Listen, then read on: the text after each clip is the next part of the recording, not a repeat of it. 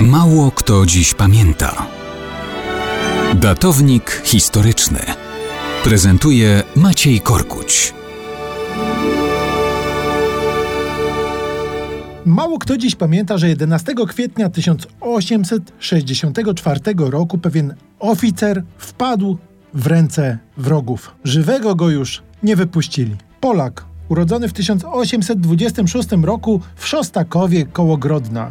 Ród pochodzenia niemieckiego, osiedlony w Polsce w czasach saskich. Ma 19 lat, kiedy wybiera karierę wojskową. To zabór rosyjski, więc służy w armii rosyjskiej.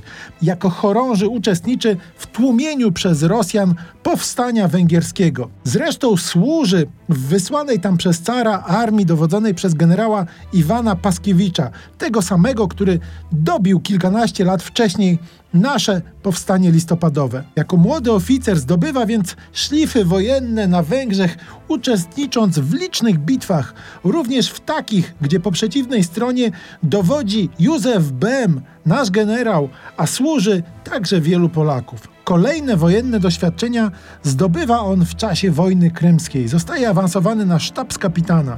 W Petersburgu wykłada w wyższej szkole wojennej. Otrzymuje ordery. Jako wyższy oficer zaborczej armii powraca na ziemię polskie, gdzie na początku lat 60. XIX wieku gęstnieje atmosfera narodowo-wyzwoleńczego buntu. Jest podpułkownikiem szanowanym przez rosyjską administrację. Gdyby na tym skończyła się jego biografia, nikt by w Polsce o nim nie pamiętał. Ot, carski oficer. Ale on z rosyjskiej armii występuje. Mimo tylu lat służby nigdy nie wyrzekł się polskiej duszy. Jest rok 1863. Wybucha powstanie styczniowe. Idzie za głosem sumienia, obejmuje dowództwo nad oddziałem powstańczym pod Kobryniem. Wie, jak walczyć przeciw Rosjanom, zna ich aż za dobrze, ale łatwo nie jest. Są sukcesy, są też porażki. Po kilku miesiącach przybywa do Warszawy. Od rządu narodowego otrzymuje awans generalski.